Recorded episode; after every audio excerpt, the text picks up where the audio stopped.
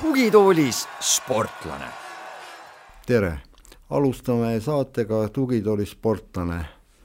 täna on meil vedanud, et kohale on tulnud väga, väga lahe ja edukas spordimees, kellel on ilus,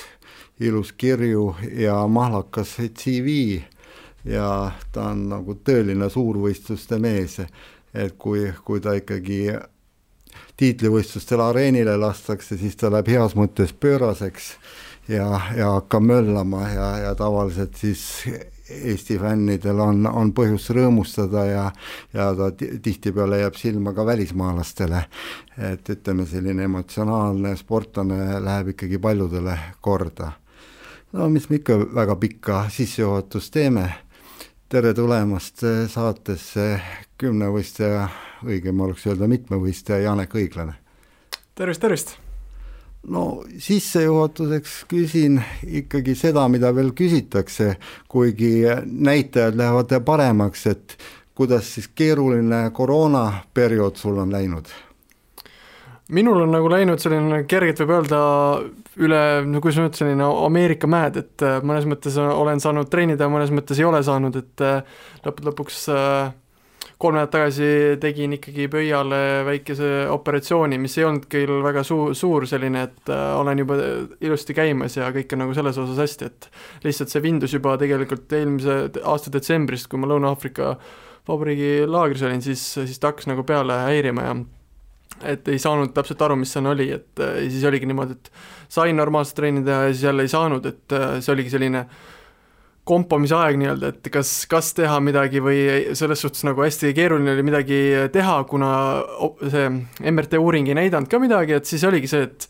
tegid trenni, natuke taastasid ennast ja siis oligi, et selline, et natuke valus, natuke sain, noh, kõik oli selline Äh, keeruline selles osas mõnes, noh, mõnes mõttes, et äh, aga üldjoontes nüüd on, nüüd on selles suhtes ree peal ja olen, olen rahul. kas, ma täpsustan, kas oli siis seesama pöid, mis on siin varasematel aastatelgi sulle muret valmistanud või, või? mul on, et jah, mul on selline Achilleuse nii-öelda kand on see pöiad, et äh, mul mõlema, jah, tõukjalapöid äh, hetkel jäi operatsiooni käigus puutumata, et see on tegelikult mul pikemat aega vindunud, aga sean ei ole mitte midagi teha, äh, ütles mulle doktor Rahu, et sean ongi see, et hullemaks ta ei lähe, et tulebki teipida ja tuleb lihtsalt äh, mõnes mõttes natuke kannatada seda valu, et aga nüüd oli jah, see teie paremal pöial oli lihtsalt selline luuoga juba väljas ja natuke kõhred ka seal oli vaja puhastada, et siis, siis see oli nagu vajalik protseduur doktor Rahu tegigi selle operatsiooni. just, just. ja nii et, et nagu praktika ütleb, et kui minnakse asjasse sisse, siis ikkagi nähakse, kui, kui, kui hull see olukord on ja nii et, et ikkagi tööd seal oli arstil. just, ega oligi jah, pilt tegelikult ei näidanudki nii hullult seda kogu, kogu äh, lugu, mis seal jalas oli, et äh, lõppude lõpuks kolm, kolm väikest kohta sai puhastatud, et selles suhtes väga edukas operatsioon oli lõppude lõpuks no ja tark aeg ka tegelikult, sest kui me, kui me vaatame, mis üldse maailmas tehakse, siis väga paljud sportlased kasutavad selle mõnes mõttes nukra aja ära, eks ju. et ütleme, kergejõustikku ju lõigati ka väga, väga valusalt, kõik ju arvestasid kahe tiitlivõistlusega suvega, et tuleb nii olümpia kui, kui siis veel nii-öelda lisa li,, lisajärelkajana EM, võib seda nii nimetada, aga nüüd järsku nulli peal, eks ju. et, et siis miks mitte käia, et siin kerk Kantergi õpilane Pjotor Malahovski ja noh, ütleme, kes on juba vanem mees, et, et kasutas ka samamoodi võimaluse ära, aga eks neid maailmas neid näiteid leiab võib-olla kümneid, et, et mitte öelda sadu, eks. jaa, täpselt nii et ja kui sa juba oled nii kiire tree peal, noh siis, siis on ju super, super hästi. jaa, ei see oligi minu jaoks, mul oli elu kõige esimene operatsioon ja ma ma mõtlesin, et ma olen selline kolm-neli nädalat karkudel ja ei saagi üldse mitte midagi teha, aga ma olin nagu juba peale po-, peale poolteist nädalat olin normaalselt kõndimas ja küll nagu ikkagi ravi, kõik protsessid toimusid, aga lihtsalt see, et et sellist paistetust ja valu nii-öelda ei olnudki päris noh, ei olnudki põhimõtteliselt, et see oli mm. nagu hästi huvitav ja omamoodi kogemus mm no lugeja eh, või kuulajad peaksid siin nagu kõrvu kikitama heas mõttes, et kahekümne kuue aastane mitmevõistleja ütleb, et et esimene operatsioon, et tavaliselt on tippsportlastest jäänud selline mulje, et on üks hädade org ja kogu aeg noad välguvad, kõik, kõik kohad, mis on võimalik, lõigatakse ära, see näitab ikkagi sellele, et et sa oled maast madalast teinud väga, väga õigesti trenni jaa, eks ta võib nii öelda küll, et võib-olla mul lihtsalt, mul on ikkagi selliseid äh, traumasid olnud, aga ei ole olnud nii suurt traumat, et äh, peaks just vist äh, nagu operatsiooni vajama, et et selles suhtes on mul vedanud jaa, et ma loodan, see jätkub nii, et mul jääbki ainult ühe operatsiooni peale, et see, seda ma proovin ikkagi nii jätkata, et ma ei taha, ma ei taha sinna opilauale rohkem minna. Mm. No ma teekski siin heas mõttes kannapöörde viuhti ja, ja läheksingi sinu lapsepõlve ja et mulle isiklikult tundub, et sinu puhul oli spordirajale sattumine noh, sündmuste nagu loogiline käik, et seal, seal vist nagu teist võimalust ei olnud, arvestades sinu vanemate tausta, et eh, su isa oli hea jooksumees, keskmaajooksja, noh, kelle kolme tuhande meetri isiklik rekord oleks täna auväärne tulemus igal kergejõustikuvõistlusel Eestis, kaheksa, kaheksa viisteist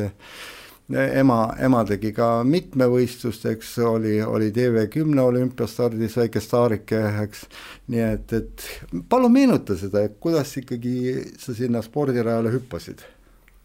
eks mulle esimesed mälestused ongi, kuidas isa jooksis, oli rahvajooksudel ja siis ise ka väikse, väikse põnnina jooksid seal lastejooksu ja kõik selline võidutahe ja see tekkis juba väga noorest east, et äh, ja mul vanemad äh, kordagi ei sundinud mil mind sporti tegema, mul lihtsalt meeldis hästi selline liikuv olla ja teha igasuguseid aktiivseid tegevusi, et äh,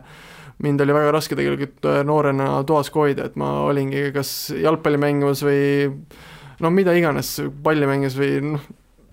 jah, tõesti, mida iganes tegemas sõpradega või oma vennaga, et et see oli põhiline asi, mida nagu, mida mu vanemad ei nagu ei sundinud mulle, mis oli kõige nagu ma arvan, kõige tähtsam asi noorena, et äh, ma sain teha, mis mulle meeldis ja ma arvan, see pisik on nagu ikkagi veel minus sees ja see on nagu tore, et aga jaa, eks see, kuidas ma ütlen, kuidas see algus sai, oligi niimoodi, et äh, et mulle, mulle lihtsalt meeldis võistelda ja ma sain, hakkasin TV10-s võistlema, et siis seal nagu tekkis see kergejõustikupisik, et alguses tegelikult ma läksin jah, jalgpallitrenni äh, esimeses klassis äh, sõprade nagu Äh, juhatusel põhimõtteliselt. Ja siis äh, jalgpallis sai käidud, oli väga äge, mulle meeldis isegi selline sõprade koosolemine, selline ühtekuuluvustunne tekkis isegi. ja siis ma arvan, kolmandas-neljandas klassis läksin kergejõustikutrenni, venna, vend oli juba seal olnud, siis ma läksin ka sinna ja et äh, ja siis nagu tegin mõlemad samal ajal, aga lõppude lõpuks ikkagi mul tulid TV10-st päris head tulemused ja siis äh, oligi, et äh, ma juba otsustasin, ma arvan, selline äh, kuuendas-seitsmendas klassis, et äh, jalgpall, et ma ei mängi enam jalgpalli. kuigi jalgpall mulle meeldis ja ma olin üsna hea, kui praegune minu treeningpartner Keiso Pedriksiga ma olen isegi äh, välismaal turniiridel käinud mängimas koos, et äh, alati on lahe mingeid asju meenutada, et näiteks praegu Levadias mänginud Robert Kirss oli ka minu minu äh, võist-, meeskonnas, et äh, kõik sellised asjad on nagu väga huvitavad tagasi mõelda. oligi huvitav, et ma tegin ka mõni aeg tagasi Õhtulehe jaoks intervjuu Keiso Pedriksiga ja siis ta ise mainis ka seda, et et, et me juba Janekiga tegelikult tundsime, tundsime maast madalast, et seda nahkera sai kõvasti taga aetud. et noh, sa oled Vändra poiss, et ütleme, Vändras olid siis kõik noh, normaalsed tingimused tol ajal olemas juba, et, et sporti teha jaa, oli küll, selles suhtes äh, staadionil oli noh, sellised äh, kuidas ma ütlen, need äh, plaadid maas, et nendega sai, mina olin nagu harjunud, mul ei olnud selle vastu mitte midagi, et äh, sai kõik asjad tehtud ja treener oli ka, pani meid kõiki nagu huvitavaid asju, alasid tegema, et isegi no noorena tegin nagu vasareidet, et ei olnud ka niimoodi, et ainult nüüd jooksen või hüppan, et tegin kõike ja see oligi, ma arvan, võib-olla miks mulle see mitmevõistlus ka meeldib, et äh, oligi see hästi mitmekülgne, oli see treening ja kindlasti pean tänama oma esimest treenerit Valdur Ojalat, kes, kes äh, mind utsitas kindlasti ka trennis paremaks saama, et äh, väga, väga selline tore oli, et äh, jaa, et mul oli kõik võimalused olemas selles suhtes, jah, kõik oli hästi. ma paluks sul meenutada siis murdeiga, ütleme, et see on tihtipeale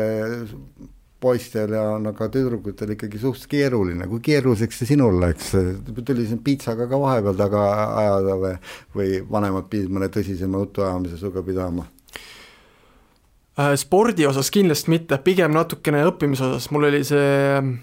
mõte, et kogu aeg tahta spordis paremaks saada ja võib-olla see õppimine just, ma mõtlen, et äh, murdeiga võib-olla võis olla isegi selline Audentes aeg, kus tulin vanema, vanemate juurest ära ja hakkasin põhimõtteliselt üksinda elama,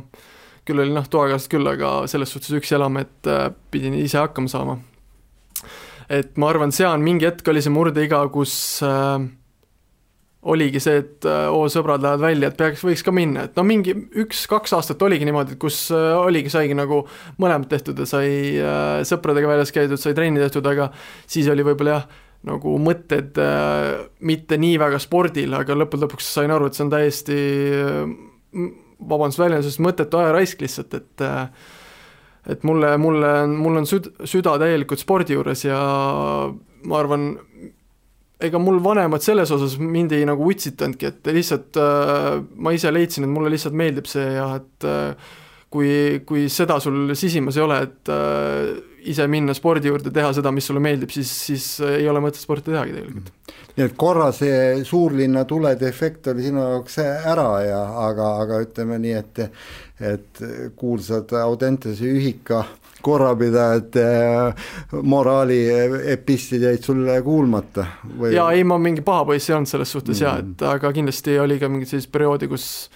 kus äh, ei olnud mõtteid äh, kooli peal või spordi peal nii väga, nagu mm. oleks võinud olla mm. -hmm. no muidugi seal Audentesest ehk endisest Tšikist on ju musttuhat meest läbi käinud ja ja mina olen neid lugusid palju kuulnud ja et neid patukohetsusi, kuidas noh, poisid ise ütlevad, et ikka sai ikka äh, noh, rumal oldud ja oma nagu aega raisatud, et noh, sinu puhul oligi nagu väärtuslik see, et sa mõistsid ära, et ütleme, need head tingimused, mis olid loodud, tuleb ära kasutada Audentesesse tulek oli no see oli rohkem su oma initsiatiiv juba või? ei olnud kusjuures, see oli täitsa, mul oli niimoodi, et äh, ma olingi vist kaheksandas klassis ja mu isa hakkas otsima Audentesse treenerit. ja ta leidis Sven Andresoo, ta helistas talle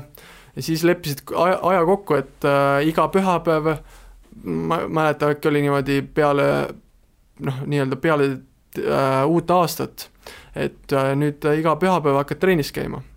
ja mu isa iga pühapäev sõitis Tallinna ja ma hakkasin trennis käima ja ma ütlen ausalt, ma vihkasin seda siia tulekut, sest äh, iga trenn, põhimõtteliselt iga trenn äh, ma tulin nuttes tagasi, sest Sven oli nii karmi sõnaga, et ma polnud harjunud sellega. ja see oli küll selline, et äh, mõnes mõttes selline kerge kultuurishokk, et tulin Tallinnasse ja kohe äh, hakkan toinima siin, et äh, aga jaa, mu ini-, in-, isa nagu initsiatiivil oli siia tulek kindlasti. Mm, no seda eelmine aasta Dohas, kui sina juba hakkasid stardipakkudele kummardama, siis mina rääkisin su perekonnaga juttu, et me lõpetasime viisteist minutit enne, enne saja meetri jooksu ja siis su vend meenutaski seda, et kuidas sa nii mõnigi kord töinates, töinates tulid, eks ju, ja aga tegelikult noh, ütleme jah Sven on selline karune vend, ta on seda siiamaani, hiljuti sai ta seitsmekümne aastaseks, eks ju, aga samas noh, ütleme, tal on spordimehe sü-, süda ja ikkagi see, mis ta annab, annab ta hästi. ei, absoluutselt, ma ütlen alati, kui keegi küsib äh, Sveni kohta, siis mina ütlen, et tema on äh, täielik alustala minu spordikarjääris. Sest äh, tema nagu selline karm õpetusviis, ma arvan, pani mind teistmoodi mõtlema spordist, et äh, ei saa kõike läbi lillede põhimõtteliselt joosta, et äh, siin tuleb karmi tööd ka näha ja et ei saa ainult ilusate sõnadega äh, nagu trenni teha, et või noh, kiita kogu aeg, et tuleb tuleb aus olla ja tema, tema seda kindlasti oli, et alguses tema ei näinud mingit, minus mingit potentsiaali, sest ütles, et mul jooks on täiesti kohutav. ainuke, ainuke asi, mis oli positiivne, mul jalg oli nagu hea, et jalg viskas, et mm -hmm. aga muud asjad olid täitsa kohutavad mm. -hmm. ja sellepärast mind, mind ta kõvasti peedistas, aga see on kindlasti üks tähtsamaid asju minu sportlaskarjääri alguses. et tema te, seda tegi minul. no eh, paljud kuulajad ei pruugi ikkagi seda teada üldse, et tegelikult sul hoopis algusest teine ala palju tugevam, odav ise, et oma esimestel tiitlivõistlustel sa käisid odaviskajana, kui ma hästi mäletan, kaks tuhat üksteist noorte mm, see oli vist Prantsusmaal. just, täpselt. ja, ja samal suvel oli ka Euroopa noorte olümpiafestival, eks ju, ja mõlemal võistlusel sa jõudsid lõppvõistlusele, olümpiafestivalil ka kaheksa parema hulka, eks ju, et, et see oli ju ka super. kuivõrd siis ütleme, see kaalukeel nüüd käis selles, et vaadata, et kas minna ka oda, odaga edasi? oda oligi täitsa huvitav tegelikult, kaks tuhat üksteist ma mingi võistlus äh, hooaja alguses ma proovisin oda, oda lendas kohe selline kuuskümmend neli äkki ja kuuskümmend kuus või kuuskümmend viis pool oli midagi MM-i norm ja siis mõtlesin, et okei okay,, ma teen ühe võistluse veel vist või kaks võistlust ja mul tuli kahe järgmise võistlusega tuli see norm täis, et see oli kahekümne sendiga küll, aga, aga tuli täis. sain MM-ile MM-il ma mäletan, et äh, või võistlema minnes oli nelikaks osavõtjat ja ma olin kolmekümne seitsme, kolmekümne kaheksanda rekordiga, sain kümnendana finaali, see oli küll selline, et suur äh, pauk luuavarrest põhimõtteliselt, et äh, et ja finaalis sain üheteistkümnenda koha, see on, see on, parandasin rekordit kahe poole meetriga, siis äh, olümpiapäevadele minnes äh, viskasin äh, kvalifikatsioonis Eesti rekordi, mis on tänini püsiv. äh,, Äh, ja finaalis sain vist jah, seitsmenda koha viskasin ka nagu hooaja teise tulemuse, kuuskümmend üheksa meetrit, midagi taolist, et äh, mulle odamise, odav ise väga meeldis, aga ma olin tehniliselt ikka väga, väga kehva, et pigem oligi see, et äh, see oligi probleem, et lihtsalt ei olnud nii palju seda tehnikat teinud ja lihtsalt viskasin nagu selle odalendu ja mul oli looduse pealt nagu on antud üsna hea käsi ka, olen tagantjärgi aru saanud seda, et et pigem lihtsalt äh, miks ma nagu odaviskaja võib-olla praegu ei ole, on see, et äh, ma lihtsalt tundsin, et äh, mul on kümnevõistluses rohkem pakkuda kui odaviskes. Kindlasti ma tean, et ma võiks odaviskes ka päris, päris kaugele jõuda, kui vaja oleks. Mhm. no rekord on sul muljetavaldav, eks ju, et ütleme, kui siin Magnus Kirt ja Tane-, Tanel Laanmäe kõrvale jätta, siis äh, praegu mulle tundub, et kui oma rekordiga sa, sa olekski vist juba kolmas, sest seal äh, neid mehi on nii palju vahelt, vahelt välja, välja kukkunud. just, just. nii et, et Äh, ma tahtsin sellist asja küsida, kas siis juba ka natuke adusid seda, et see tiitlivõistluste atmosfäär ja, ja selline õhkkond, mis on, et see kuidagi tõmbab sind käima, et sa saad kuidagi lisa, lisalaksu, et ütleme, et see on sinu jaoks nagu, ma nimetaks seda, et nagu lubatud doping, et et, et sa hakkad lendama seal? ei, kusjuures oli küll, ma mäletan väga hästi, jah, see noorte mm oligi, et vaata, et noh, esiteks sa lähed juba selline harjutusstaadionil sa näed erinevate maade sportlasi, sul tekib kohe teine selline ma ei tea, mentaliteet või olek, et äh, sa tead, et see on tähtis võistlus. ja kui sa tead, et tekitab sellise tunde, et see on tähtis võistlus, sul lihtsalt tulevadki sellised külmavärinad üle keha ja ma ei tea, selline täitsa teistsugune tunne, et alati, kui ma ikkagi suuremale võistlusele lähen, siis lihtsalt see, see adrenaliin, mis tekib, on täiesti äh, täiesti nagu kirjeldamatu, seda ei saagi isegi nagu väga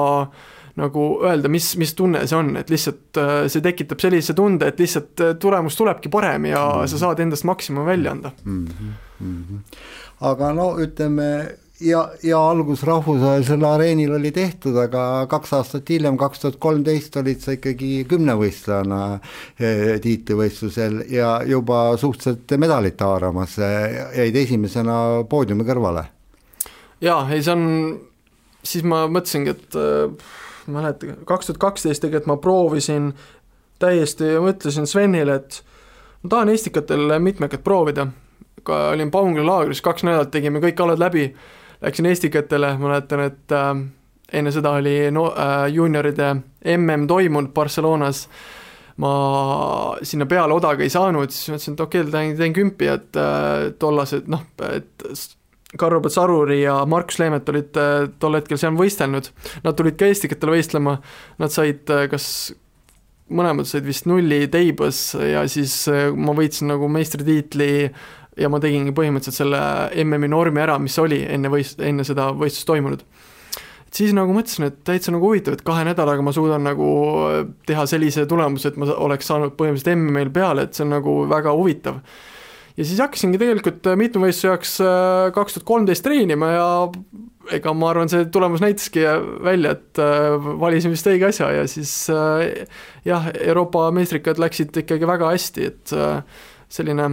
mõned nagu, mõned alad, mis olid, oleks tahtnud parem, näiteks oligi odavise ja mingi selline teivashüpe, et äh, pigem teis-, teine päev oli minu jaoks kehva, et esimene päev oli üllatavalt hea mm. -hmm nii et ütleme, võikski, kui su karjääri siis minekut vaadata, siis sellised pikad sammud alguses tulidki nagu üle kahe aasta või sellised säravamad tulemused, eks ju, et et järgmine hiilgav aasta oli kaks tuhat viisteist ju sul, eks, kui sa siis eh, kodu, kodupubliku ees sõid igas mõttes eh, kassanid tulest välja, et oli siin eh, U kakskümmend kolm EM ja ja noh, ütleme medalisoosikuid ajakirjanikud, nagu me Oina, Oinavillid oleme, otsisime neid medalisoosikuid ja panime kõigile need medal, medaleid juba ette, riputasime kaela, aga noh, lõpuks fakt oli see, et sina, sina selle medali ainsana said, eks ju et no ma kujutan, kujutan ette, et sellest võistlusest on sul ka tohutult head emotsioonid ja mul meenutus on see, mida lõpupoole läks, seda rohkem üks lõvi, lõvi möllas areeni peal. ei, see alati ma ütlen, vist nüüd äh, järgmine aasta tuleb juunioride EM ka Eestis, et nendel noortel, keda ma olen näinud, ütlen, et et Eesti publiku ees võistlemine on täiesti erakordne tunne tegelikult, et Eesti, Eesti eri, eriti veel kümnevõistlus ja mitmevõistlus, et äh, Eesti publik eriti hindab seda ja siis on, siis on nagu eriti vinge võistelda. tõesõna, see oli, see oli äge, et äh, mul oli jube hea vorm äh,, ilm oli muidugi esimene päev kehva, teine päev ma natukene keerasin käkki äh, teivashüppes, seal oli natuke äh, jamad, et jamad, sellised probleemid, et aga üldkokkuvõttes ja peale odavisetes oli küll selline tunne, et äh, nüüd, nüüd noh, ühesõnaga, et kuidagi peale, peale odaviset tekkis selline tunne, et see on küll vinge, see, seda, seda sporti lihtsalt peab tegema, see on lihtsalt nii vinge, noh, ma ei osanudki öelda, see, see oli nagu kuidagi kirjeldamatu tunne. et ma tõusin vist jah, seitsmendalt kohalt kuidagi kolmandaks või kuidagi mingi selline teema oli ja siis mõtlesin, et, et päris äge risk et, et siis, siis peale seda muidugi enne tuhat viitsadat ma teadsin, mul on seal ähm, kolm-neli venda minu selja taga, kes võisid, võisid mind mingi kolme-nelja, seitsme sekundiga võita, et kui nad võidavad mind, siis nad, ma kaotan pronksmedali, et siis enne seda, tähendab, mul pole peale seda isegi nii suurt äh, närvi olnud tuhande viiesajas, kui sellel võistlusel oli, sest ma pole peale seda nagu kuskil medali peale pidanud reaalselt jooksma. et see, seda närvi ma tahaks tegelikult rohkem kuidagi kätte saada, et äh, et siis ma olin küll niimoodi, ma jooksin neli kolmkümmend seitse, aga kui oleks vaja olnud, ma oleks jooksnud nelja kolmekümne alguses, ma reaalselt mäletan seda tunnet, lihtsalt ma jooksin ühe venna taga, ta mitu korda selline edasi-tagasi proovis, aga ei, ei lasknud ma minema, et äh, see, see, see, mäletan, see mälestus tõesti kahe tuhande viieteistkümnes aasta on kirjeldamatu no kaks tuhat viisteist on sul mitmes mõttes äh, tore aasta, et äh, eks sa ise oskad seda nüüd paremini kommenteerida, aga no palju räägitakse, et selline sportlastele ikkagi annab nagu tiivad ka see, kui on armastus, on kõrval kindel inimene. Äh, kas ma mäletan õigesti, et siis oli su esimene nagu sellisem tõsisem kooselu ja selleks oli tubli laureaat, laureatar Kertu Pabo, eks, ja, ja tundsid sa, et see andis nagu mingi sellise lisa, lisakäigu sulle või? kindlasti, sest ma mäletan, et tal oli samal ajal Superstaari saade ja noh, mitte samal ajal, tal oli just läbi saamas, et äh, ta nagu, äh, ta nagu, ta teadis, mida ta oma, oma elult tahab, kuidas äh, ta, ma tea, teadsin teda selles suhtes nagu mulle ta hullult meeldis sellepärast, et ta oli pühendunud, ta tegi oma, oma ala nii-öelda hästi ja väga tubli noor naine oli, et äh, pigem jah, ei, see, see andis kindlasti sellises mõnes mõttes nagu tiibu, et ma tean, et mul on tagala ka olemas, noh, mul oli vanemad ja vend niikuinii, aga mul oli nagu neiu ka, kes, kes aitas mind äh, teisele levelile kindlasti mm. -hmm. okei okay,, kui sa praegu ise tõid veel korra vanemad ja venna sisse, siis siinkohal tasukski rääkida, et tegelikult teil on fantastiline perekond, et ma, ma arvan, et tege-, see, et sa oled ikkagi no me jõuame nende raskete aegadeni ka, et neid on sul ka ikkagi üksjagu olnud. et eks sa oled ju tegelikult ja seda on mulle ka Sven öelnud, et tänu papale ja mammale sa oled ikkagi väga, väga palju spordis püsinud, et nüüd see majanduslik tugi ja noh, kindlasti ka hea sõna, et ikkagi tee, et nad on kogu aeg nagu so soovitanud seda soojalt ja pluss nad on ju kõik sinu rahvusvahelised võistlused koha peal ära vaadanud, eks ju. et ma vist, ma vist ei eksi, kui ma pakun seda väidet, et, et, et ne, nemad on nagu kõvasti kaasa aidanud selle sinu tõusule? ei kindlasti, ma arvan, nemad on kõige tähtsamad äh, toetajad minu meelest kindlasti igas mõttes reaalselt, et äh, ma, ma ei oskagi seda sõnadesse panna, kui palju nad äh, mind aidanud on minu sportlasteel, et see on, see on tõesti vinge, kuidas äh, neid huvitub, kuidas äh, nen-, nendele äh, äh, kuidas ma ütlen, et äh, see kõik, mis nemad minu jaoks teevad, see on äh, tõesti kulda väärt, et äh, ma alati proovin tegelikult tulemustega näidata, kui palju ma hoolin nendest ja et ma tahan nagu alati, kui ma isegi trenni lähen, ma tean, et nemad on mind aidanud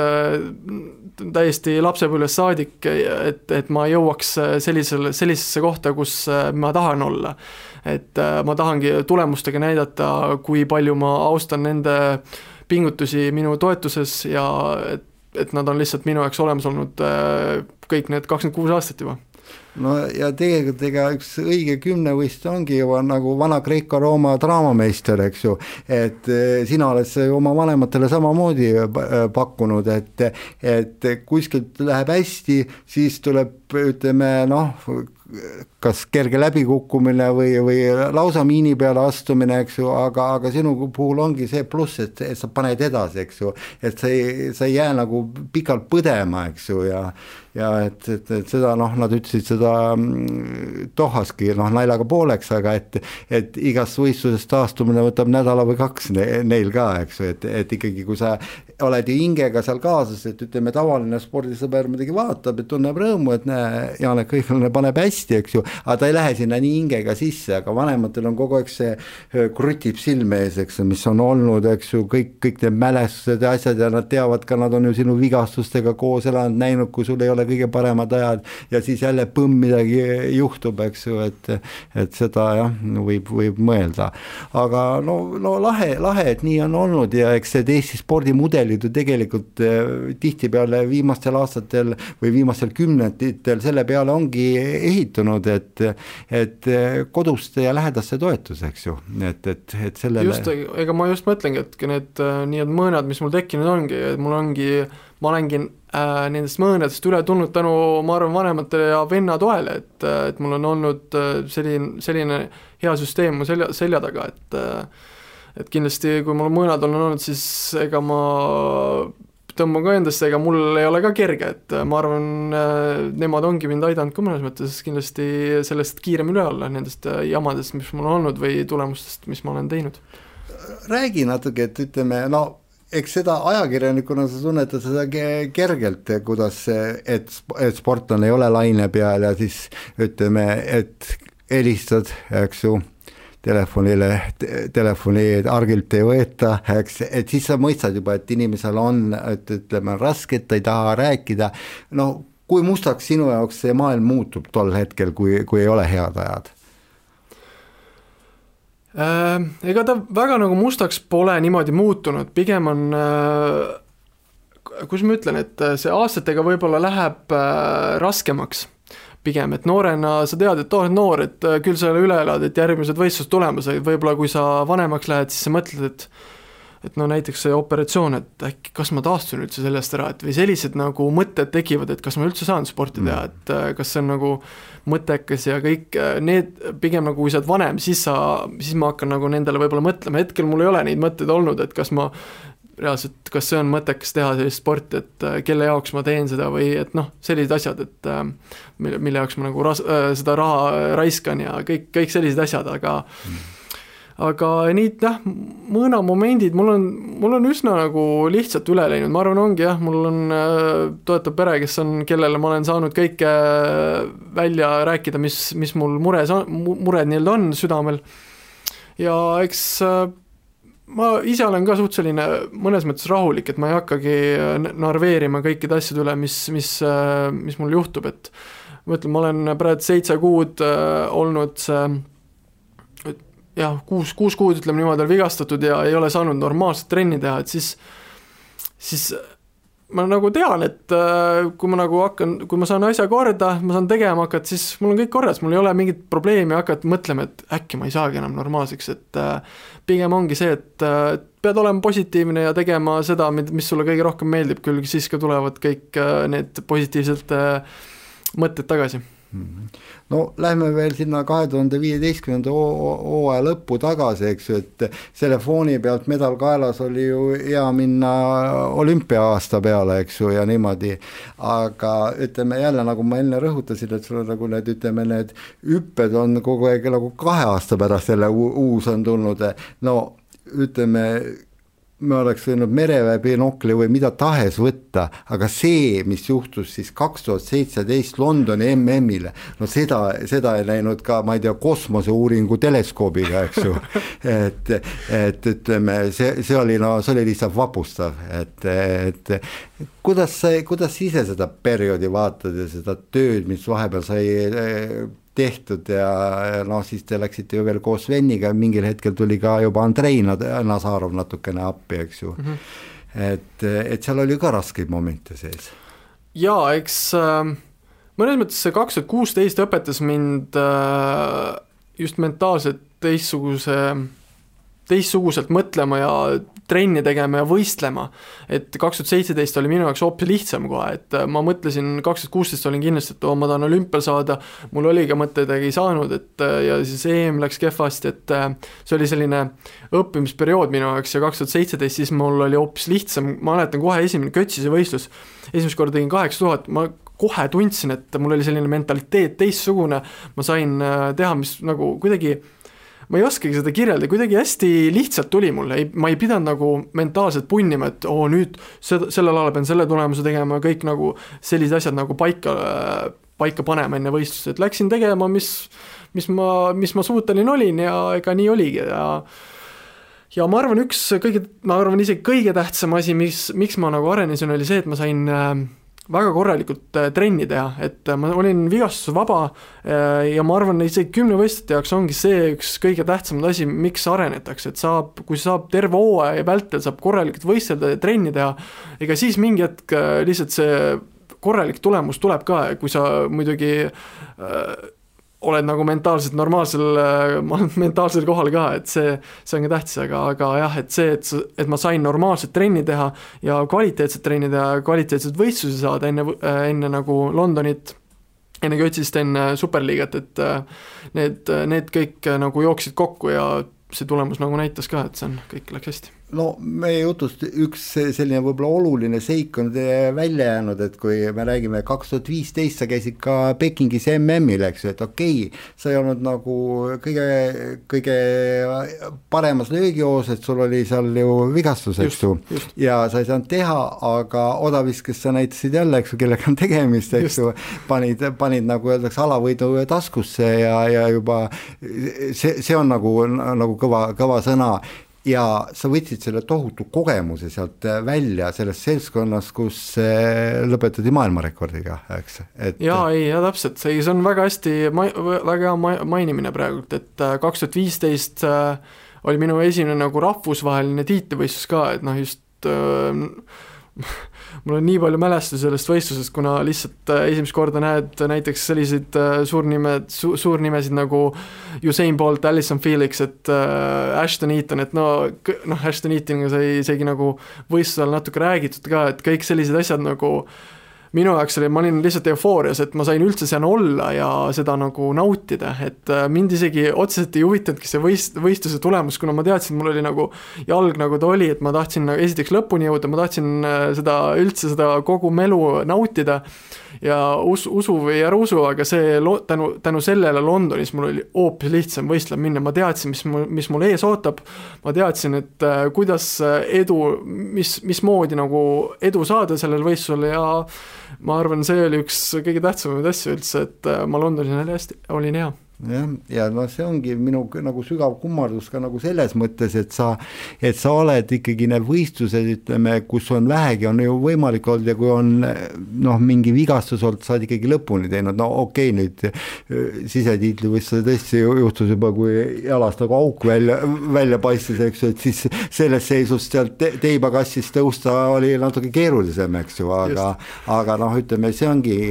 kahjuks me ajaloost teame, et Eestis on neid mehi, mehi, kellel see rida on väga-väga kole ja nutune, eks ju, aga jätame nad siinkohal rahule ja, ja kes teab, see teab, teab isegi, eks ju, et aga, aga sellepärast oligi London, et see oli selline vend, et Janek Õiglane, keda lõpuks vaadati, et konkurent vaatas, pidage te mees kinni, et et kui sa läksid, läksid, läksid ja lõpuks nagu juba tundus, et peab hakkama vaatama, kas saad poodiumile ronida, et neljas koht tulemuseks, et äh, uskumatu ei, see, see, mäletan, et mul, mul teeb äh, sõb, hea sõber Karl Saruri teeb kogu aeg nalja selle intervjuu üle, mis ma Anu Sääritsale peale võistlust andsin, et ma siin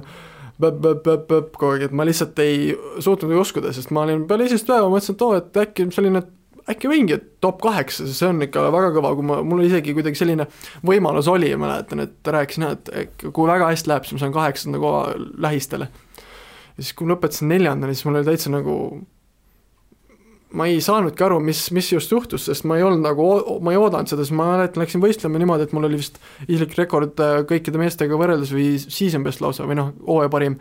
oli kaheksateistkümnes äkki. kuskil nii oli jah. just, ja siis no ega, ega ei saagi nagu mõelda, et oo, nüüd ma lähen nagu medalit võtma, ega see oleks natuke utoopiline, sul peab olema ikkagi mingid mm. tulemused, et äh, enne seda tehtud ikka, et, et, et medali peale minna, et mul olid ikkagi väga algalikud äh, tulemused enne seda, kui ma läksin võistlema. aga jällegi, nagu sinu puhul kohane on, et kui sa alguses äh, saad kohe vedama, ega siis lõpus sa ei saa üldse pidama, eks ju. et seal üksteist null kaheksa oli vist saja meetri aeg, isiklik rekord, eks see, see sada meetrit on sul olnud pikka aega Hiljuse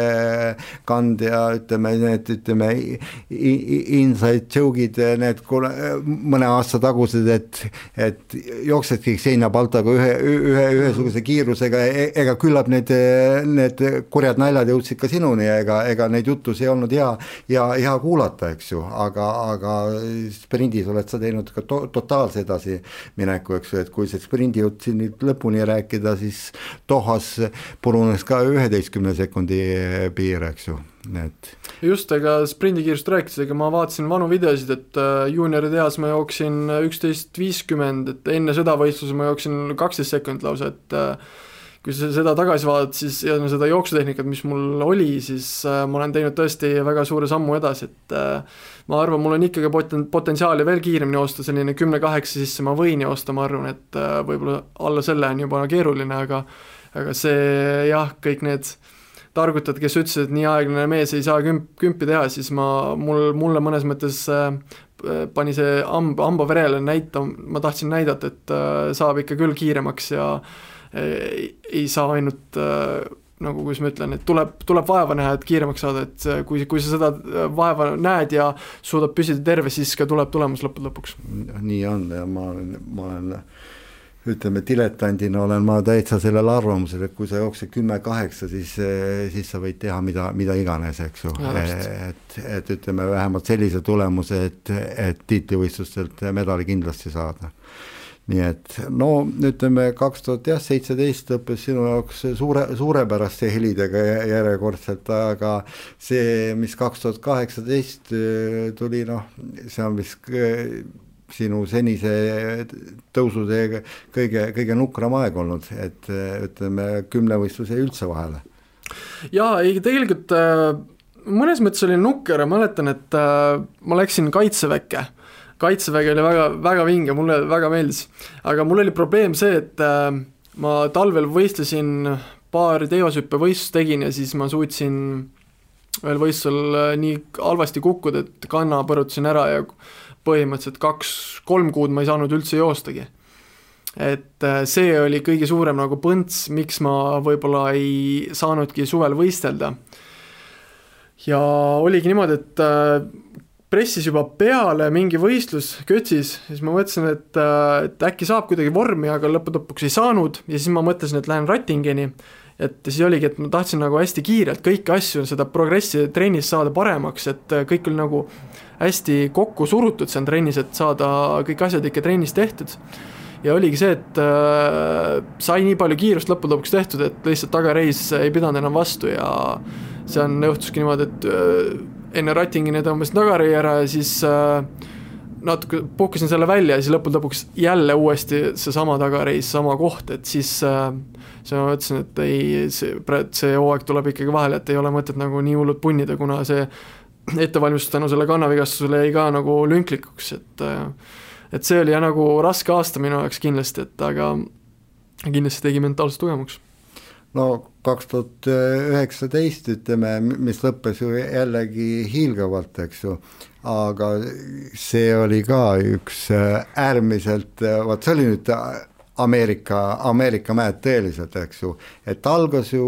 seitsmevõistlusega hiilgavalt. just, kas tahad, räägin kogu, räägi kogu teema? Mhm. räägi see teema ise lahti, eks ju, et mis mm, -hmm. mis mina neid hinnanguid siin ikka annan. jaa, ei, siserahvusvaheline mittevõistlus läks väga hästi, et äh, kuigi mäletan enne seda võistlust, mul oli, ma arvan, kõige suurem kartus üldse enne võistlust, mis mul on olnud kunagi, kuna kaks nädalat enne seda mul oli ähm, klubide karikavõistlus teoshüppes, ma hüppasin oma isiklikku rekordit viis viisteist, kõik läks hästi, järgmine päev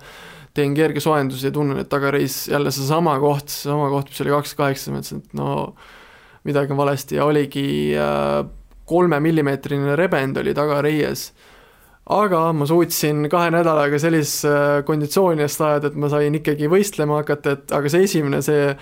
see mõte, kuidas ma tean, et ma pean kuuekümnest täiega panema, et see, see oli väga suur, suur kartus oli mul sees, aga kui ma sain juba kuuekümne tehtud, siis, siis läks nagu ludinad, ei olnud nagu mul nagu neid mõtteid nii palju. et jaa, see läks hästi, siis äh, suutsin ikkagi sellise tulemuse teha, mida ma ise ei oodanud väga, aga aga, aga siis peale seda läksin Glasgow'sse, ma tahtsin kindlasti suuremat summat teha ja läksin, ma ütlen ausalt, läksin medali järgi tegelikult, tahtsin minna. Aga see on, see on ikkagi sellist minekut ei olnud, nagu ma oleks tahtnud ja jah, suutsin teoshüppes jälle nagu selline, see ala, mis mul alati nagu vigastusi tekitab, suutsin teoshüppes äh, kuidagi niimoodi libastuda, kukkusin nagu mati peale, aga jalg läks äh, teevashüppe auku ja libises nii-öelda selle terava ääre pihta, et äh, seal tuli selline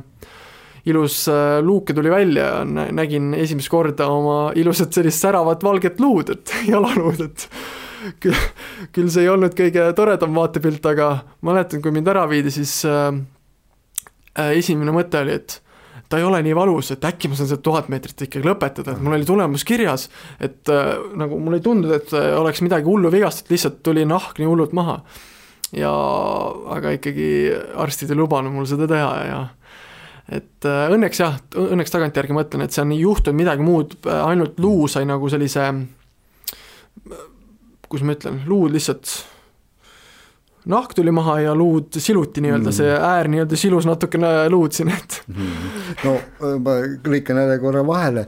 pessi-, Eesti tuntud pessimistide armeele tundus, et Janek Õiglasel tuleb teine suvi järjest, kui ta ei teegi kümnevõistlust, eks ju. et tundus nagu ütleme, ebareaalne oli juba märtsikuu, eks, enam noh, väga, väga palju kosumees aega ei olnud, aga, aga see oli nagu muinasjutt, sa olid väga kiirelt sadulas. jaa, eks äh ma mäletan, et ma sain jooksma mingi neli nädalat hiljem tegelikult, mis oli väga, väga positiivne, et äh, et jaa, ma sain äh, laagris kõik ilusti tehtud, et äh, läks positiivselt ja siis oligi see, et äh, ega kõik läks nagu hästi, nagu tegelikult kaks tuhat seitseteist aasta peale seda lihtsalt oligi, et äh, talvehooaeg oleks võinud nagu oleks võinud nagu kuidagi terveks jääda, et mm. äh, aga, aga jaa, see suvehooaeg oli nagu nii, nagu tahtsin, nagu esimene võistlus, et see olemine ja see treenitus oli see, mis ma tahtsin tegelikult, jah mm. -hmm. kuigi see, ütleme, see Doha pileti hankimine, ütleme, see oli, see oli karm teekond ja ma mäletan väga hästi, et, et see oli üks minu väheseid võistlusi, kui ma, kui ma ütleme, Eestis ühe hea kümnevõistluse üldse vahele jätan ja ma tõesti ei näinud, kui sa Rakveres oma pileti kätte said ja ja siis ma helistasin sulle pärast võistlust järgmisel hommikul ja sa ütlesid, et kui ma küsisin klassikalise küsimuse, et mis tunne on, siis sa ütlesid, et oleks nagu rongi alla jäänud. Just, ega jaa oligi, et äh, noh, hooaeg algas nagu tegelikult hästi, Kötsises tegin jah, äh, üle kaheksa tuhande, siis, siis tuli see, et kus ma ta-, tahtsin kindlasti MM-normi teha, oli Lutskis superliigal. Aga noh, seal juba algas nii kehvasti, et seal oli, see korraldus kõik oli nii kehva, et ma ei hakkagi seda, selle, selle peal nagu väga seda aega raiskama, et aga ja siis peale Lutski oli niimoodi, et äh, kaks pool nädalat oli viimase võimaluseni põhimõtteliselt Estikateni, kus saab normi täita ja ja ma pole, mul oli kõige pikem nagu paus enne olnud neli nädalat vist kahekümne võistluse vahel, nüüd oli kaks pool nädalat, see on ikkagi täitsa, minu jaoks oli ikkagi täitsa teistsugune maailm, et äh, et väga keeruline oli tegelikult, sellepärast ma ütlesingi sulle, et nagu rongi alla olin jäänud, kuna lihtsalt äh, energiat lõpus ei olnud, mäletan, kui ma, ma lõpetasin äh, teivashüppe, siis mul oli lihtsalt selline tunne, et ma olen äh, tuhande viiesaja läbi jooksnud, ma olin täiesti läbi omadega. ma ei tea, ma, ma, ma lihtsalt ei, ma ei, ma ei, ma ei, ma ei osanud isegi mõelda, et kuidas ma peaks praegu oda viskama ja, ja selle maksimumi endast välja leidma ja veel tuhat viitsadat peale jooksma, et see, see oli minu jaoks hästi keeruline. no paras leitsak oli ka. just, just, et seal oli jah, ligi, päikse käes oli ligi nelikümmend, noh, juttude järgi, et äh, et jaa, seal oli väga keerulised momente, et oligi näiteks teivashüpe oli keeruline moment, kolmandal katsel sain üle, et äh, ja kaugushüppes sain kolmandal katsel sellise arvestatud tulemuse kirja ja et äh,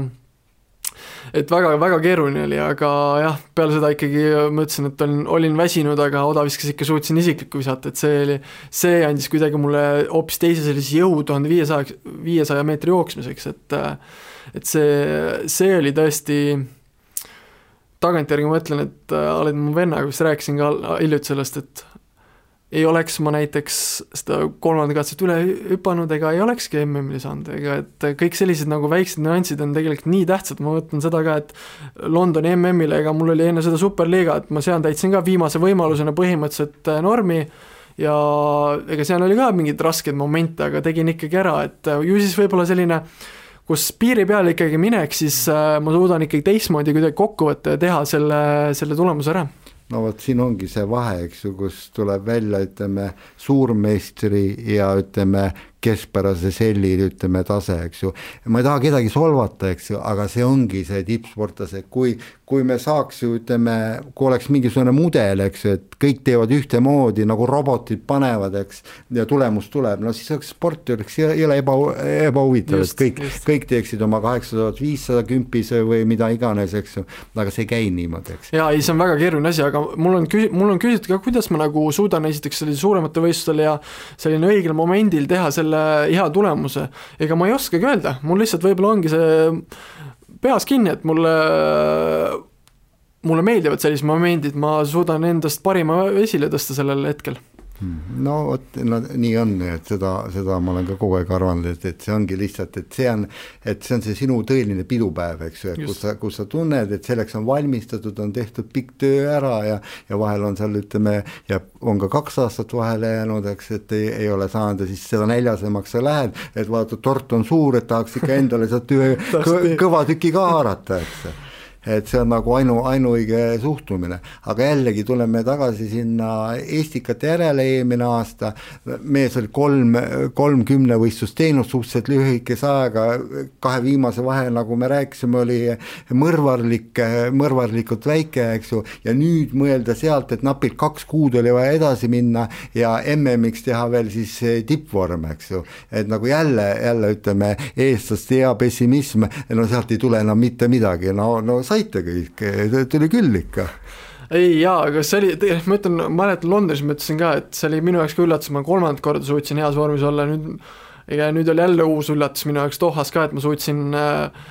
päris raske nii-öelda kolmekümne võistluse järelt niimoodi veel sellise ettevalmistuse teha, et äh, Dohas hea olla, et äh, kindlasti see, see võistlus oli selline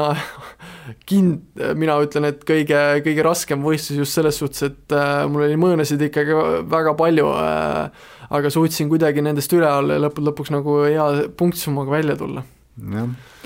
ja no isiklikke rekordeid äh, tuli ka kenasti, eks ju, et kui ma praegu puusalt panen, siis sada, nelisada oda just täpselt jaa, ei tegelikult ma vist jaa, jaa täpselt oli nii, jah mm. -hmm et, et ütleme, see, see, see ongi ja tegelikult noh, kui need mõned noh, nagu sa ütled, et mõnad välja jätta ja altminekud välja jätta, siis sa olidki elu parimas vormis ja kaheksa-neli oleks olnud suhteliselt reaalne seal ikkagi ära teha. et, et küllap sa mingil hetkel tunnetasid ise ka, et, et, et see kaheksa-nelja peale võiks minna. jaa, ei kindlasti, mul oli äh tagantjärgi võistlesin, ma, ma tean, et äh, tõkkejooksus, noh, Oleks on selline väga vaha poiss, mida rääkida, aga tõkkejooksus mul oli sel hooajal, mul oli edasiminek ja ma teadsin, et äh, mul oli juba sajas meetris selline minek, et ma ma suudan joosta neljateist algusse, neljateist, ma, ma läksin mõttega neljateist nulliga jooksmagi, et äh, ja see võib, võib-olla maksiski lõivu seal stardis, ma panin sellise matsu, matsu kohe esimesel no, tõkkel, et aga ei taha seda meenutada. väga ei taha jah, just. ei no te mõlemad ju, Maike, Maikel ju jälle teistmoodi seal äh, võimaluse nagu no kui Maikelilt küsiti pärast seda hõbemedali võitu, et et kas kuskil varu käis, tema rahulik vastus oli tõkkejooksu starti nägite või just, ega ta jah, koperdas seal. aga õnneks ta jooksis puhta jooksu edasi, õnneks see oli väga positiivne, mina ei suutnud sealt väga hästi edasi panna, et äh, seal ma suu-, laias laastus lai-, kaotasin lihtsalt sada punkti mm. -hmm. ja, ja teine ala, mis, kus suur nagu minu jaoks mõõn oli ikkagi kõrgushüpe, et kaotasin isikliku rekordiga üheksa sentimeetrit, mis on ka ligi sada mm -hmm. punkti, et äh, need kaks, kaks ala ja kui nagu Rex, Rexidega kokku panna, siis mm. mõnes mõttes mina ütlesin, mina ütleks, et ma olin kaheksakümne viiesaja vormis mm., aga lihtsalt äh, ega selliseid võistlusi tuleb ja ma kindlasti õppisin sellest äh, midagi uut ka ja et see on, see, see ikkagi kuues koht oli minu jaoks väga suur saavutus pärast neid, neid kahte ebaõnnestunud ala isegi, et see oli tegelikult vinge ja kui me võtame, ütleme, suurt statistikat, kui vaadata kahte viimast MM-i, siis ütleme, selliseid mehi peaaegu polegi, kes, kes oleks kaks korda kuue hulgas olnud, eks ju. just, jah, Londonis ja Dohas nüüd nii top kuues vendasid ei olnud niimoodi ja, kaks, kaks ja, korda järjest olnud. nii et, et ütleme selles mõttes maailma stabiilseim kümnevõistleja, et vaata, kust, kust, kust tahad, eks ju, nii et, et, et see oli, see oli väga, väga lahe ja, ja ütlen ise ka ajakirjanikuna, olles käinud Musttuhat tiitlivõistlust, täna siin tooli peal istudes ma ei suuda öelda, palju ma kergejõustiku rahvusvahelisi võistlusi koha peal sündmuste tulipunktis olen näinud, näinud, et neid on palju olnud, neid on olnud ilmselt mitusada, et kui ma võtan ka kümpid sisse kõik, eks ju, Ketsised ja, ja Rattingenid ja, ja nii edasi, Euroopa mm karikad, eks ju, isegi Soome-Rootsid, eks ju, siis on neid tõesti pigem võib-olla seal kakssada pluss ja aga, aga no toh, mitte ma ei tahaks öelda, et kuskil mujal oleks ebameeldiv olla olnud, kõikidel tiitlivõistlustel on alati mõnus olnud. aga ka ajakirjanik või ajakirjanikud, kuigi meid kujutatakse Raisa Kota, Kotkastena, kes tulevad oma saaki seal nokkima ja niimoodi, aga eks see meie pidupäev on ikka samamoodi, kui sportlastel läheb hästi ja ja Dohas ütleme, oli ikkagi pilt oli ju väga-väga okei okay,, et kui see Magnuse nüüd ütleme, see õnnetu vigastus välja jätta, eks ju, ja noh, et kõik, kõik oli ikkagi, koondis oli väike ja noh, jah, okei okay,, Kristjan. ei, väga, väga vinge oli tõesti, et selles suhtes äh, ma arvan, Eesti koondises esindas ikkagi äh, üle ootuste hästi, et äh, Maicel, Maicel muidugi tegi ikkagi ulmelisi asja, et see on, mul, mul on tema üle minu arust isegi väga hea meel, kõige parem meel, et et see, see oli vinge tõesti, mis, mis on, mis on Dohas juhtus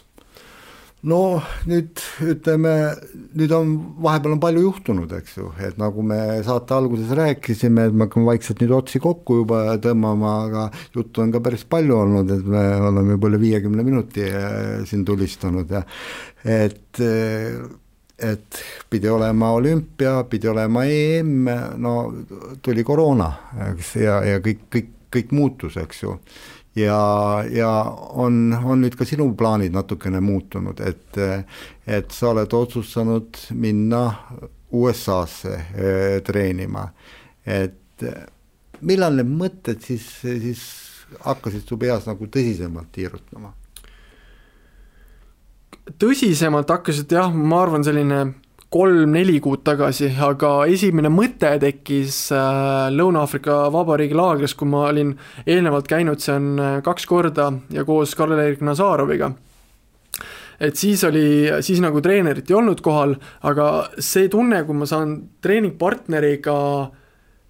mingeid selliseid äh, raskeid treeninguid koos teha ja üle elada ja noh, neid teha koos just sellise, ma ei oskagi öelda, sellise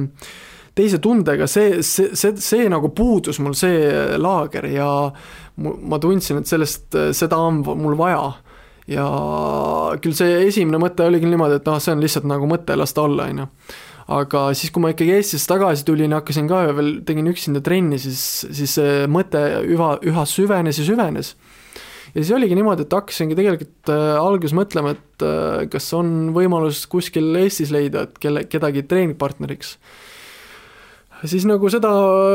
ma ei, otseselt ei leidnud, siis ma hakkasin mõtlema, et äkki on kuskil välismaal, et äh, alguses mõtlesin, et äh, isegi Niklas Kauli äh, gruppi sinna äh, kuidagi äh, sobituda,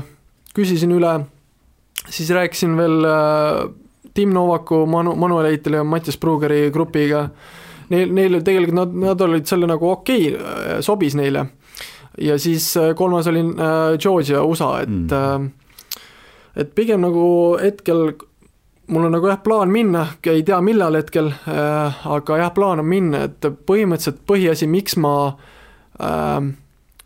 tahan USA-sse minna, on lihtsalt see, et esiteks seal on kliima parem, mul on selliseid noh, vigastusi olnud juba, et kliima on aastaringselt parem äh,, Äh, ja teiseks on lihtsalt, seal on ähm, niivõrd head äh, treeningpartnerid ja kolmandaks, et seal on nagu äh, see nii-öelda treening facility nii-öelda, ma ei oska öelda mm., et treening kogu selline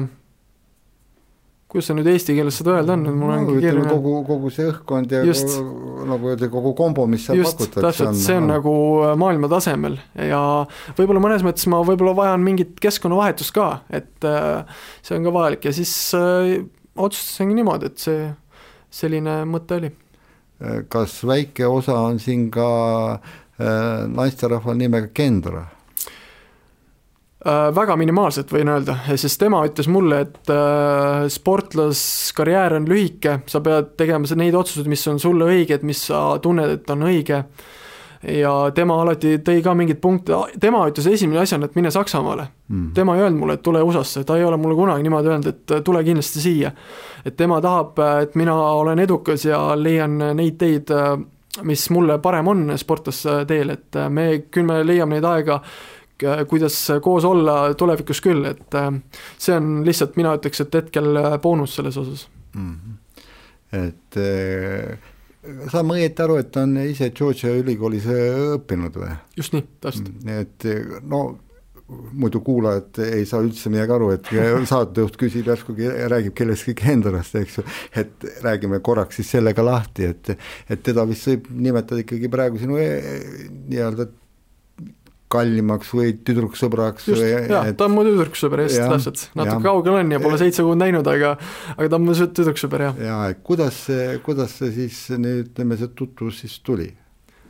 Tutvus tuli äh,, ma pean kohe tänama Karro Petsarurit siin, kuna Glasgow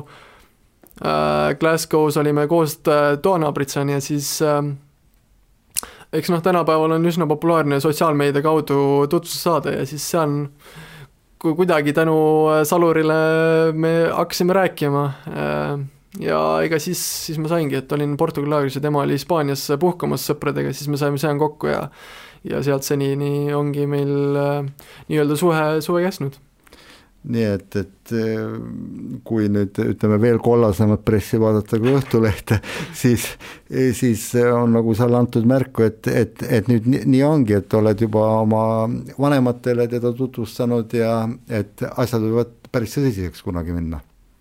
Ma arvan küll jaa, et ei, ma vanematel olen ka neid, äh, kuidas ma ütlen, tutvustanud teda, et äh, mul vanematel väga meeldib ta, kõikidele sõpradele ta on väga, väga meeldinud, et äh, mul, mul ei ole mingi häbiasi teda näidata ja teda tutvustada kõikidele inimestele, sest tema on minu osa, tema on osa minu elust ja ta kindlasti viib mind sportlasena kõrgemale, kaugemale, et tema aitab mind igapäevaselt reaalselt äh, olla just mingites, mingitel rasketel momentidel üle, just see periood näiteks oligi just praegu, kus ma olin vigane, tema kindlasti oli mul, mulle suureks toeks äh, aitama positiivne olla ja nendest rasketest momentidest üle olla. Mm. Et aga sporditausta tal endal ei, ole või? ei, ta on noorena ikka mingeid erinevaid alasid teinud, aga mitte mm. nagu jah, mingit äh, kõrgemal mm. tasemel. Mm.. ja tal on, ülikool on läbi, et, et siis ta juba töötab? ta töötab, aga nüüd äh, uuest aastast tahab äh, veel õppima minna, tahab magistrit juura, juuras, juurat saada, et mm -hmm. selles suhtes väga tark neiu ja teab, mida tahab oma elus, see on üks väga selline üks põhiline asju, miks ta mulle nii väga meeldib, sest tal on ka samasugune missioon nii-öelda oma elus, mul on see, et ma tahan spordis kaugele jõuda, temal on oma asi, mis ta tahab jõuda, mhm. kus ta kaugele jõuda tahab mm. et meil ongi see, et äh, me üksteist toetame oma äh, tegevustes ja see on, äh, ma arvan, edasiviiv jõud mõlemal üks päevakajane küsimus ka veel selle, selle teema juurde, et siis on tõesti selle teemaga kõik, et kas sa vaatad praegu nendele rassismimölludele, mis on nagu maailmas väga jõuliselt üles tõusnud, ka natuke teise pilguga ise? eks ma olen tegelikult seda kogu aeg vaadanud üsna sellise nagu kurva pilguga, et noh, praegu kindlasti ma tean, et äh, ma olen rääkinud hästi palju oma neiuga sellest teemal, sellel teemal ja kindlasti see on minule ka südamelähedane, et äh, sest ma tean, milline minevik on olnud äh, mustadel, et äh, jah, et ma pigem, äh, ma ei tahaks pikemalt sellel rääkida, aga mul on oma, oma vaade sellel ja ja tõesti, me oleme rääkinud sellel teemal, et see on, see on kurb vaatepilt tegelikult, mis on, mis just siin Ameerikas toimub selge, aga võtamegi selle pika jutu nüüd kokku, et, et tegelikult sinu töö käib ju selle nimel, et ütleme, teha tiitlivõistlustel, et mis loodetavasti järgmine aasta siis ikkagi toimuvad, eelkõige Tokyo olümpia, teha järjekordne heas mõttes pauk. jaa, absoluutselt, ma kindlasti äh, selle nimel töötan ja ma tahan tahan olümpiale jõuda, ma tahan seal väga hästi esineda ja mul on kindlasti suured sihid tuleviku, tuleviku mõttes ja siinkohal tule, tuletame veel kuulajatele meelde seda, et, et nagu Janek on juba mitu korda öelnud, et, et nendele tiitlivõistlustele Eestist jõudmine on väga keeruline, sest kümnevõistlus on ütleme, meil sellise tasemega, et, et, et kui ta on olnud meie kultusala läbi kümnendite, siis sellist taset nagu praegu on, pole mitte kunagi olnud, su hea sõber Karl-Robert Saluri tegi kõikide elu natuke lihtsamaks, otsustades, nagu öeldakse, tõsisest spordist spordist loobuda, eks ju, aga siin on veel vähemalt seitse näljast meest, kes, kes treenivad väga, väga kõrgete sihtidega ja ma usun, et sina kindlasti ei alahinda mitte kedagi neist. ei, kindlasti ei alahinda, ma tean, kui head on näiteks äh, Tilga hetkel äh, Ameerikas õppiv, äh, siis Tšernjavski, Lillemets, Rosenberg, kõik on väga head kutid, et äh, ma ei alahinda mitte kedagi ja see on, ma arvan, see kodune konkurents on kindlasti jälle, ma ütlen sellise lause, edasi, edasiviiv jõud igale sportlasele, just eda-, igale kümnevõistlusele, et mulle eriti, ma tean, et ma tahan, mul on, ma arvan, üks asi, mida ma ütlen kohe, mida Sven mulle ütles alati, kui ma võistlema läksin tiitlivõistlustele, et kui sa tiitlivõistlustel lähed või üldse oled Eestis võistlemas, ole pa-, alati oma küla, küla parim nii-öelda, et ole Eestis alati parim, et kui sa, ma praegu võin öelda, et kui sa oled juba Eestis parim, siis ma arvan, siis sa oled juba maailmas äh, top kolme seas, kindlasti. no tundub praegu küll nii. aga aitäh sulle, et sa saatesse tulid, soovin sulle edu ja rõõmustan meid ka tulevikus samamoodi, nagu sa seda praegu teinud oled. jaa, suur tänu kutsumast ja väga tore jutumine oli, aitäh oh.!